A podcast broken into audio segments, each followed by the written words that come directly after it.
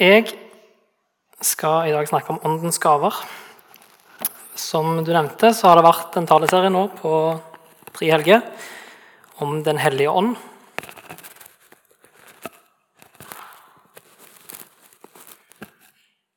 Da har vi sett på hvem Den hellige ånd er. Vi har sett på åndens gjerning.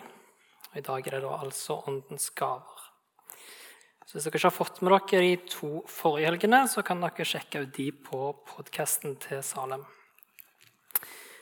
Jeg bare fortsette å be sjøl òg før vi gyver løs.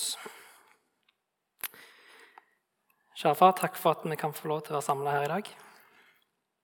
Jeg ber om at uh, du må gjøre oss rolige og åpne for det du har å vise oss. Jeg ber om at du må tale til oss her i dag gjennom ditt ord. Jeg legger talen i dine hender. I Jesu navn. Amen. Først av alt så vil jeg gjerne begynne med å si litt om dagens overskrift. Åndens gaver. Liten sånn definisjon her. For det er mange ulike begrep som blir brukt om det samme her. Åndens gaver er ett av dem. Eh, nådegaver er et annet, som kanskje er mer brukt. Eh, men for å presisere at nådegaver har med Den hellige ånd å gjøre, og siden vi er i en sånn taleserie om Den hellige ånd, så har jeg valgt å bruke overskriften 'Åndens gaver'. Men da er dere i hvert fall sånn slipper å bli forvirra, så handler det altså om nådegaver. Um, ja. Det eh, Jeg skal se på Sånn, ja. Eh, Bibelen har flere lister over åndens gaver. Finner, finner lister opp flere plasser. Eh, et litt sånn sammendrag, eh, bl.a. i 1. Korinterne 12-14, i Romerbrevet kapittel 12 og i Feserne kapittel 4. Vi skal litt i disse i dag, men hovedfokuset i denne talen vil ikke være å gå spesifikt inn i alle de gavene konkret som står der. Hvis det var den talen dere ville høre, så ligger det en bra en på Salem sin podkast fra våren 2018 med Arnt Magne Granberg. Så kan dere høre den. Eh, men det jeg har tenkt å snakke om, er heller å snakke om åndens gaver i en litt bredere forstand. Og Grunnen til at jeg har gjort det, er at uh, å gå inn på hver og en av gavene ville tatt veldig lang tid. Uh, så hadde jeg ikke rukket det innenfor en vanlig talelengde. Og det, jeg syns det fortjener litt at en går litt nøye inn på dem. Ikke sånn der en er sjopp gjennom. Um, så det er det ene. Uh, og for det andre så mener jeg at de listene over gaver som finner i disse tre brevene til Paulus Jeg tenker Det er ikke fullstendige lister, komplette lister over nådegaver. For disse tre listene de er nemlig ikke helt like, uh, men de utfyller hverandre litt. Noen overlapper. Um, og Derfor så mener jeg at det er nyttig å se på dette med åndens gaver litt, under en litt sånn større paraply. Eh, og se på prinsippet bak åndens gaver. Så det jeg skal se på denne talen, kan jeg samle i tre hovedpunkt. Det første er hva er hensikten med åndens gaver? Det andre er hva er gavene sin natur? Og det tredje er inn mot det å oppdage og ta i bruk gavene. Så for det første hvorfor har Gud ved Den hellige ånd utrustet oss med gaver? Hva er hensikten med dette? Og hvor eller hvordan skal de oppfylle sin hensikt? Og Her er det en likhet mellom disse tre, eller de tre bibelstedene som jeg snakker om likhet mellom 1. Korinterne 12-14, Romane 12 og Efeserne 4. Dere får huske alle de tre, så kan dere gå og lese det i detalj. Eh, det er en likhet her, og det er at de alle bruker eh, kroppen som et bilde knytta til disse gavene. mer spesifikt i Romerne 12, 4-5, i 1. Korinterne 12, 12-27 og Feserne kapittel 4, vers 12 og 16. Vi skal se på Romerne 12, 4-5. Kan vi på skjermen. Der står det Vi har én kropp, men mange lemmer. Alle med ulike oppgaver. På samme måte er vi alle én kropp i Kristus, men hver for oss er vi hverandres lemmer.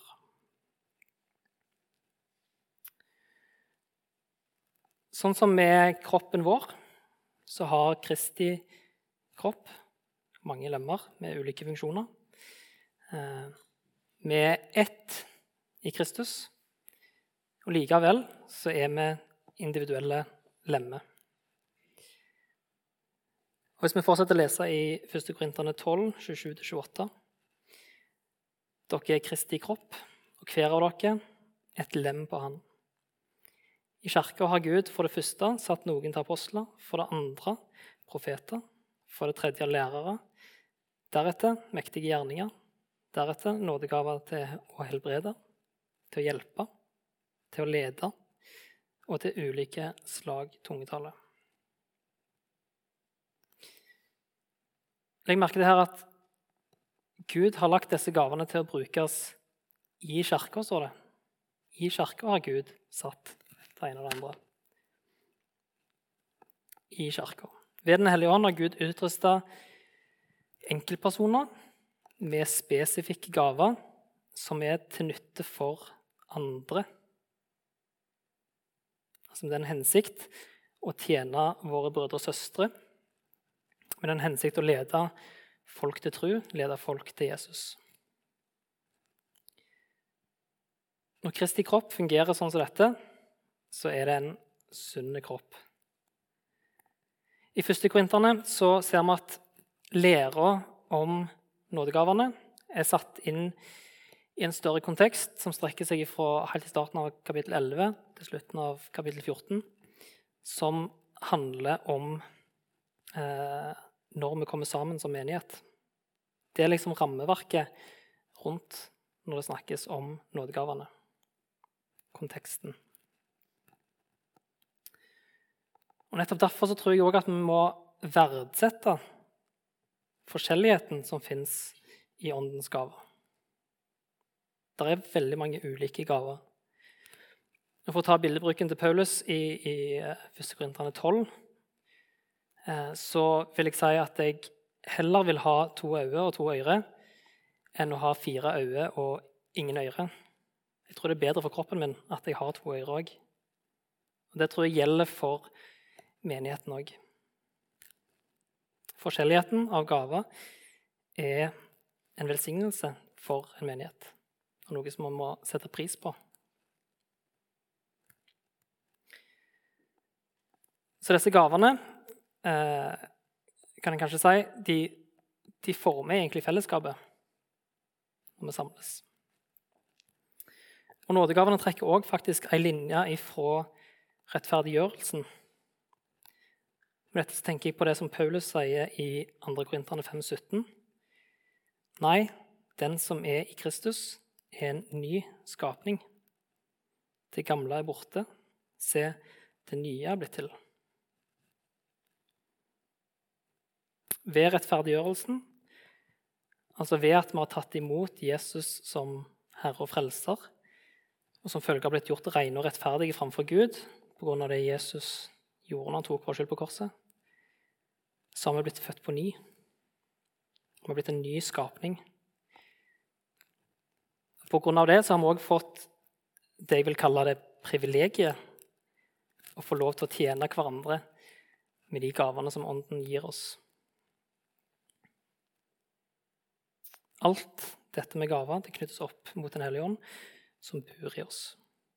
Kristi ånd, Kristi kropp, som vi har snakka om nå, og Kristi kirke blir på den måten vevd sammen, bundet sammen. Og Hvis vi da ser til Romerne 8,5, så ser vi hvordan vi som en ny skapning ikke blir forvandla i og av oss sjøl, men ved at Ånden som bor i oss, forvandler oss og former oss til dem, til forme våre ønsker. Der står det de som lever slik kjøttet vil, er bare opptatt av det som hører mennesket til. Men de som lever slik ånden vil, er opptatt av det som hører ånden til. Så hva er hensikten med åndens gaver? Disse gavene er gitt oss primært for å tjene fellesskapet. Det blir ikke først og fremst gitt oss for vår egen del. Det er derfor Paulus kan virke litt krass imot menigheten i Korint i, i disse kapitlene. her, 1. Korinterne 12-14. Um, han prøver å få fram et poeng om at en, en skal ikke skryte over de gavene som Gud har lagt ned i oss. Det er ikke noe som skal bygge opp om en sjøl. Det er ikke det som er poenget, å opphøye seg sjøl. Og faktisk, hvis vi går rundt og opphøyer oss sjøl pga. de gavene som Gud har gitt oss ved sin ånd, så tror jeg ikke egentlig vi har forstått nådegavenes natur, som vi skal komme litt tilbake til neste punkt.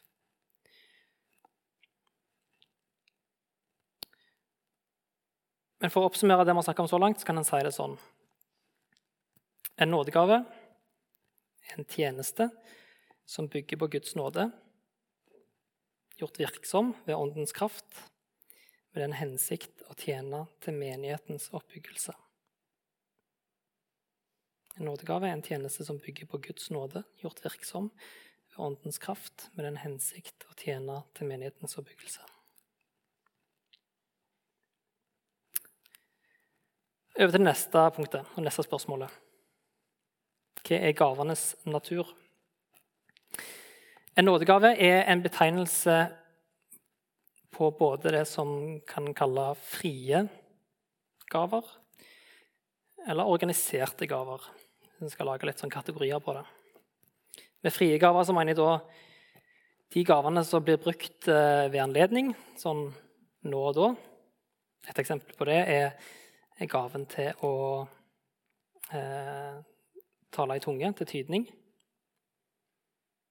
Tale i tunge til egen oppbyggelse i bønn det er en litt annen ting. Det kan en bruke oftere. Men å ta i tunge til tydning framfor en forsamling det er ikke noe en bruker hver gang forsamlingen samles. Det er imellom at Gud gir en et budskap. Så Det er det jeg mener med de frie gaver. Med de mer organiserte gaver så kan en f.eks. ta gaven til å være eldste i en, et fellesskap, en menighet. Det er noe som er litt mer vedvarende. Eh, for noen livet ut. Men åndens gaver er heller ikke noe som er helt fastlåst. Eh, men fordi det gis av ånden, som han ser best, så gjør det at, noen gaver vil vare livet ut, mens andre er midlertidige. Alt etter hva ånden ser er tjenlig. Paulus skriver i 1. Korinterne 12, 7-11. Hos hver enkelt gir Ånden seg til kjenne, slik at det tjener til det gode. For ved én og samme ånd blir det gitt én å tale visdom, en annen å formidle kunnskap. Én får ved den ene ånd en spesiell trosgave, en annen får nådegaver til å helbrede, og en får kraft til å gjøre under. En får den gave å tale profetisk, en annen å bedømme ånder. En får ulike slag av tungetale, og en annen kan tyde tungetale. Alt dette gjør den ene og samme ånd, som deler ut sine gaver til hver enkelt slik han vil. Slik han vil. Denne samme ånd står òg ansvarlig for bredden av gaver en kan se. Det ser vi i vers 4 i samme kapittel der det står det er forskjellige nådegaver, men ånden er den samme. Det er fortsatt ånden som deler ut gavene, selv om de kan være veldig forskjellige. Og med det, og det syns jeg egentlig er litt stilig, så kan en se at ånden virker i litt forskjellige På en måte litt sånn, kan virke litt motadgående retninger. For han deler ut forskjellige gaver, altså som skaper forskjellighet. Skape bredde, variasjon. Og samtidig så er de gavene som den deler ut, det er noe som bidrar til enhet. Altså, selv om det er forskjellige gaver, så er det gaver som bidrar til enhet hos oss kristne. Det syns jeg er litt stilig, at forskjellighet kan skape enhet. Og Dette finner vi også blant de første kristne. Altså, det er en bredde av tjenester og oppgaver og gaver. Eh, ikke at alle liker å tjene med det samme. Hver eneste gave fortjener respekt og anerkjennelse. Det om, for det handler ikke om personen, det handler om at det er Ånden som har gitt disse gavene. Det er noe Gud har virka, og det er noe stort. Og Disse gavene skal heller ikke settes på noen rangstige over hverandre, som at den ene er bedre enn den andre. Kjennetegnet på en nådegave er ikke at han er så fryktelig sensasjonell, eh, men det er at det er noe som tjener fellesskapet. Det handler egentlig ikke om at den er ekstraordinær. En gave virker, ja, den virker annet enn det vi kan få til sjøl, for det er Ånden som virker gjennom oss. Men kjennetegnet er at det er en verdi for Kirka, at det er til oppbyggelse for Guds rike og for Guds kirke. Derfor mener jeg òg at vi må være veldig forsiktige med å tegne opp en sånn veldig markant skillelinje mellom hva vi regner som nådegaver, hva vi regner som naturgaver. Eh, ja, det er forskjeller, men jeg tror det kan være vanskelig for oss å sette en tydelig grense der. De ulike gavene som Gud har gitt oss ved skapelsen, vår åndelige modenhet og åndens gaver, de sammenflettes uansett i ett liv som tjener. Uansett hvordan en skal prøve å skille det, så sammenflettes de i ett liv, og de virker sammen for å tjene til fellesskapet. I livet til en kristen så blir naturgavene, som òg er Guds gode verk, og åndens gaver forent. Det er ikke bare noe som, Nådegave er ikke bare noe som legges på toppen av, av alt det andre av gaver og talenter. For de blir knytta til deg. De blir en del av deg. Enten midlertidig eller noe som Gud vil at du skal ha for alltid. Der er det viktig også at vi husker på at vi ikke skal sette oss sjøl i sentrum for dette. Ånden er ikke der bare for å forsterke, forbedre våre naturlige gaver, som han har gitt oss, men Ånden er faktisk den som deler ut gaver slik han selv vil. Pga. alt dette, og pga. at de listene vi finner i Romane 12, i 1. Korinterne 12-14 og Feserne 4, at de ikke er helt like, så syns jeg ikke det er så lett å sette et fast antall, et bestemt antall nådegaver som fins. Um, ehm, en kan i det minste si at når det kommer til for nådegaven til å tjene, eller til å hjelpe De nevner spesifikt. Så tror jeg det er mange tjenester, mange oppgaver i dagens menighet som kunne falt inn under der. Det kan ta ulik form. Jeg mener at det er såpass enkelt som dette at hvis det er en gave som tjener til at folk blir oppbygd i trua, at de føres nærmere Jesus.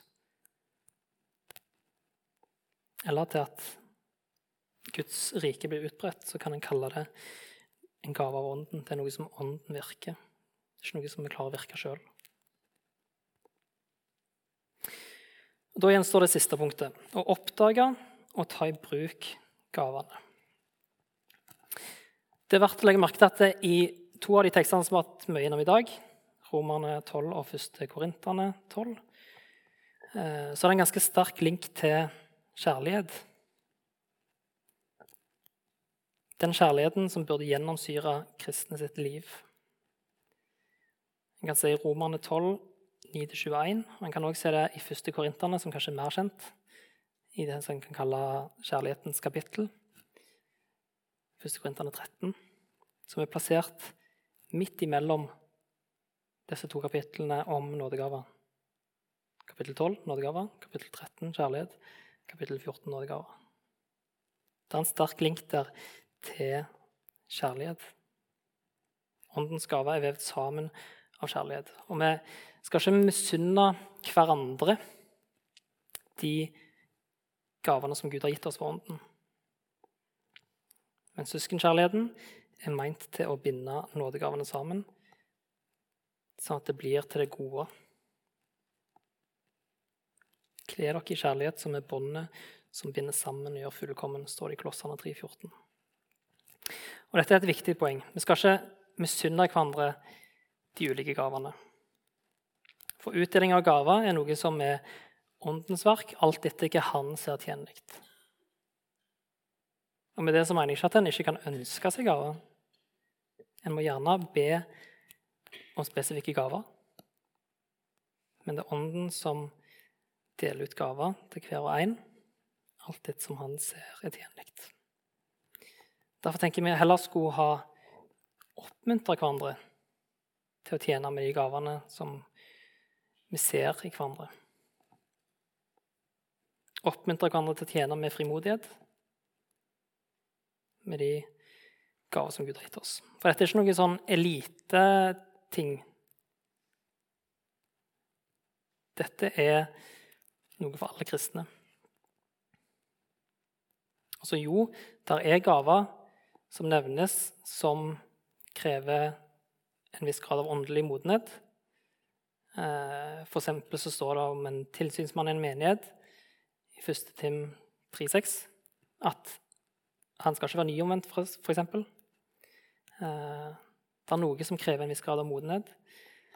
Men alle som er Guds barn, er lemma på den samme Kristi kropp, født på ny, til en ny skapning, som vi leste, med en hensikt til å tjene de andre lemmene, være opptatt av de andre lemmene, ta del i deres gleder og lidelser. Ingen av oss er uviktige. Ingen av oss er unødvendige. Ingen av oss er overflødige. Så ikke la den tanken slå rot i deg at eh, 'jeg trengs ikke'. Gud har lyst til å bruke deg òg. I 1. Tessalonikerbrev kapittel 5 vers 19-21 så står det:" Slukk ikke ånden, forakt ikke profetord, men prøv alt og hold fast på det gode.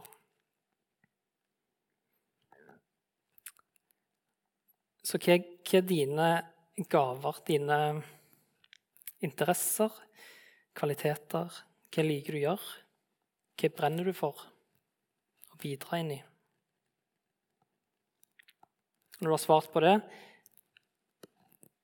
er dette noe som kan bli brukt til å styrke det kristne fellesskapet? Noe som kan bli brukt til å tjene andre, styrke andre i trua? Noe som kan bli brukt til å føre andre til Jesus? Hvis svaret på det er ja, så vil jeg sterkt oppfordre deg til å ta i bruk den gaven. Selvfølgelig. Og mens du er i gang, spør gjerne noen som, som kjenner deg eh, litt ekstra godt. Hva er det de ser i deg? Hvilke gaver er det de ser i deg?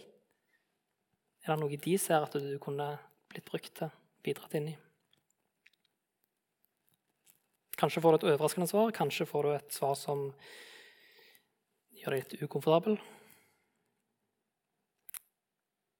Men Gud er den som utruster når vi sier til å gå. Sånn som eh, Moses og Jonah, som ofte trekkes fram. De var ikke sånn superhappy med oppgaven de fikk. De var rett fram skeptiske. Men Gud brukte de òg, fordi det var han som eh, la veien for dem, og som utrusta dem i den oppgaven de var kalt til. Og selvfølgelig òg Gud kan bruke deg sånn at det tjener til det gode selv om du ikke er 100% sikker på akkurat hvilke gaver du har sjøl. Så jeg tror ikke vi skal la det bli en unnskyldning at Jeg kan ikke tjene inn i det, fordi jeg, jeg, er ikke 109% sikker på at uh, Gud vil jeg skal gjøre det. Det viktigste i det hele er at du lever ditt liv åpent for Gud.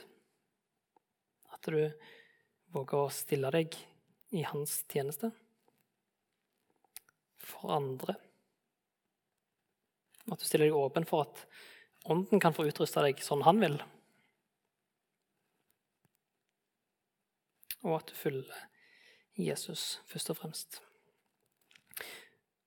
Og sist, men ikke minst oppmuntre hverandre. Hei fram hverandre. Og ta til deg de oppmuntringene du får. Det er noe å ta vare på. Noe som kan gi deg frimodighet i den oppgaven du står i. Noe som kan gi deg kraft til å fortsette å tjene.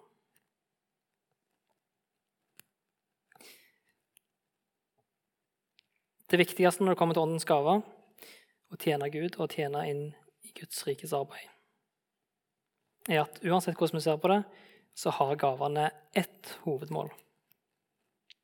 At mennesker kan bli styrka i trua på Jesus som sin frelser, og at flere kan komme til tru. Det er hovedmålet med gavene. Jeg vil avslutte med det som står i 1. Peter 4, 10-11. Tjen hverandre, hver og en med den nådegave han har fått, som gode forvaltere av Guds mangfoldige nåde. Den som taler, skal se til at han taler som Guds ord, og den som tjener, skal tjene med den styrke Gud gir. Slik skal Gud i ett og alt bli æra ved Jesus Kristus. Han tilhører herligheten og makten i all evighet.